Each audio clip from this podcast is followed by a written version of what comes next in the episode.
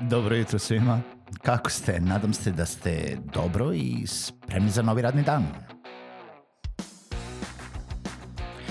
Pozdrav svima i dobrodošli na podcast Male pobede, stari novi podcast koji, well, koji je tu da bi vam kroz pitanje i savete dao motivaciju, pokrenuo vas u pozitivnom smeru i pomogao da ovaj dan počne bolje, jače i možda čak i zabavnije. Moje ime je Željko Crnjaković.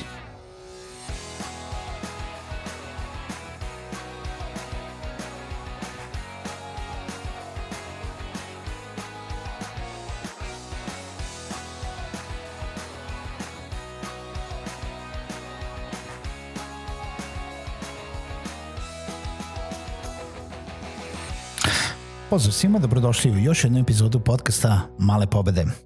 Sredina nedelje je, hm, i dalje se nadam da se dobro i nadam se da slušate podcast Male pobede. Hvala još jednom svima onima koji podržavaju ovaj podcast putem Patreon platforme, a svima onima koji to žele da urade, mogu da urade tako što će otići na www.patreon.com kroz male pobede i dati neku svoju malu donaciju, e, pretplatu na ovaj podcast i učiniti ga jel da, dostupnim i dalje svima besplatno e, konstantno i non stop, jednostavno samo dati neku svoju podršku e, ako im je podcast pomogao u bilo kom smislu i, i ako ga slušate redovno.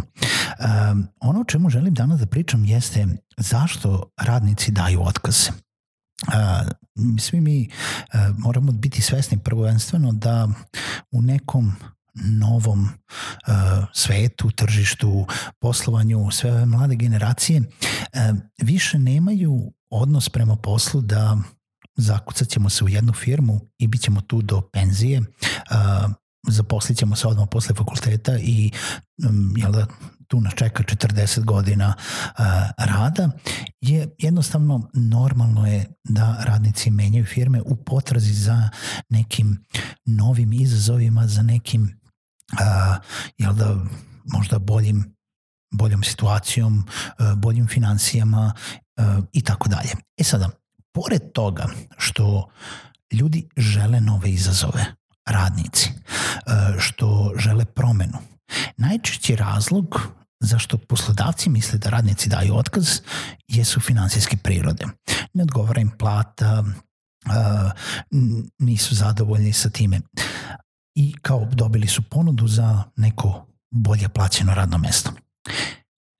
To je veoma mali procenat ljudi koji odlaze iz firme zbog toga. Jeste, postoje i to i moramo biti svesni toga da, jel da, naravno to je realnost e, opet traženja tih nekih boljih pašnjaka pod navodnicima i boljih uslova za život. Ali primarni razlog zašto radnici daju otkaz nije prvenstveno zbog finansijskih situacije. Prvenstveno je to zbog odnosa i situacije u kojoj se oni nalaze i kako se osjećaju na radnom mestu. Da li se osjećaju kao da je njihove mišljenje cenjeno? Da li se osjećaju kao da doprinose? Da li se osjećaju da imaju dovoljno prostora za rast i razvoj? Da li se osjećaju da brinete o njima? Da li se osjećaju da, je, da su kompenzovani adekvatno za svoj rad? I sad ova zadnje jeste zvuči kao da je to opet vraćamo se samo na finansijsku prirodu, ali sve ide ka tome. Imamo bezbroj primjera oko toga da ljudi jednostavno kažu i sigurno ste bili i sami u situaciji pristao bih da radim za manje para, da ja znam da ovde pravim neku promenu, da ovde vredim, da me ovde cene, da su uslovi poslovanja onakvim kakvim ja želim uh, jel da to da bude, gde se ja osjećam zadovoljno. I ono što kompanije treba da urade jeste da shvate uh, da, da je to tako. Da nije sve u onoj ultimativnoj trci ko da više para. Možda u startu i ne možemo da se oslonimo na to uh, da je minimalac ok, ali pre svega izrabljivanje nije ok. Uh, pa čak i da date neku abnormalnu platu e, gde ćete možda privući automatski neke ljude ukoliko vi nemate adekvatne uslove njima za rad, gde će oni biti zadovoljni. Ljudi se veoma brzo, pričali smo o finansijskim izazovima, veoma brzo postignu to da svako živi u skladu sa svojim mogućnostima. veoma brzo se naviknu na to da je to neka normala. Da je njihova nova plata sada normalna. I kada se ljudi naviknu na to, onda dolazi nešto novo. Treba mi nešto novo. Treba mi, nije mi dosta samo pare kao motivacija. Da li ja dobijam nešto iz toga? Da li e, me to izaziva?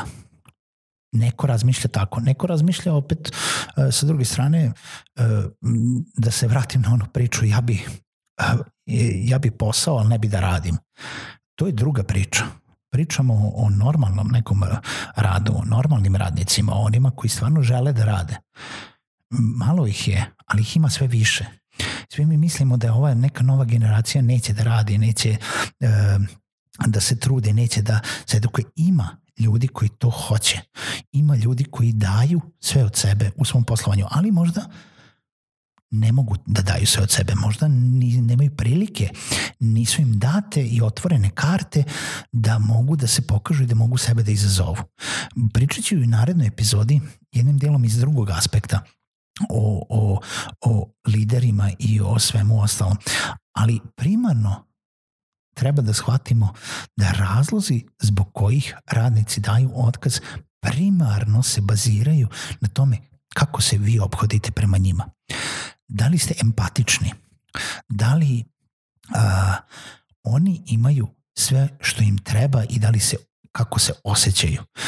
Ako neko naj, najveća, najveća u stvari vrednost svega toga, najveća vrednost, zamislite vas i šta ste izabrali da radite, jeste ukoliko radite nešto što volite da radite, pa nema veze ako uh, jel da ne radim za, ne znam, neku basnoslovnu cifru. Bitno je mi da postignem neki nivo koji mi odgovara, sa kojim sam zadovoljan i da me sve ostalo ispunjava. I onda kad nađem taj balans između para i onoga što radim i zadovoljstva i e, možda izazova, e, napredovanja, e, edukacija, svega, to je onda do, dovoljno. Samo pare po sebi nikada neće biti motivacija za to da e, zadržite radnika. Razmislite o tome. Razmislite o tome kada sledeći put krenete u finansijsku bitku oko toga e, da li je zašto je radnik dao otkaz ili da li treba da privučemo radnike koji samo hoće veću platu. Nije. Vi treba da istaknete šta sve vaš radnik dobija. Uh, koji su sve tu još benefiti koji vi njemu nudite. I ne mislim samo na benefite, e, imamo besplatnu hranu i, ne znam, lazy bagove. To kao da, je, kao da su milenijalci pitale uh, šta vam treba, E, svi hoćemo besplatnu hranu i lazy bagove. I onda sve firme odjednom imaju besplatnu hranu i lazy bagove, ali To ne pomaže ako se u firmi radi 20 eh, sati, ako ima nekog eh, koji bičuje non stop, nebitno za koje pare, oni neće stići da iskoriste tu besplatnu hranu i lazy bagove. Niko neće sedeti na lazy bagu ako ih neko non stop uh, eh, jel da bičuje da, da postignu neke rokove koji su nedostižni, koji su neostvarivi i koji ne dopuštaju da, uh, jel da se promene ili ako je neka mentalitet u firmi takav da treba da se bojimo i da treba da sedimo i da ne smemo da izađemo na pauzu pauzu i da uh, nam gledaju svaki korak ili svaki, svaki otkuca i tastature koji radimo, neće to nikome odgovarati, nebitno koliko platu ima. Gledat će neku novu priliku koja će mu omogućiti istu, sličnu ili čak i manju platu, ali gde se osjeća bolje. I e, kada to shvatimo, onda ćemo videti šta sve treba da ponudimo ljudima. Mala pobeda za danas je razmislite kako se vi obhodite prema svojim radnicima. A za nastavak čujemo se u narednoj epizodi podcasta Male pobede.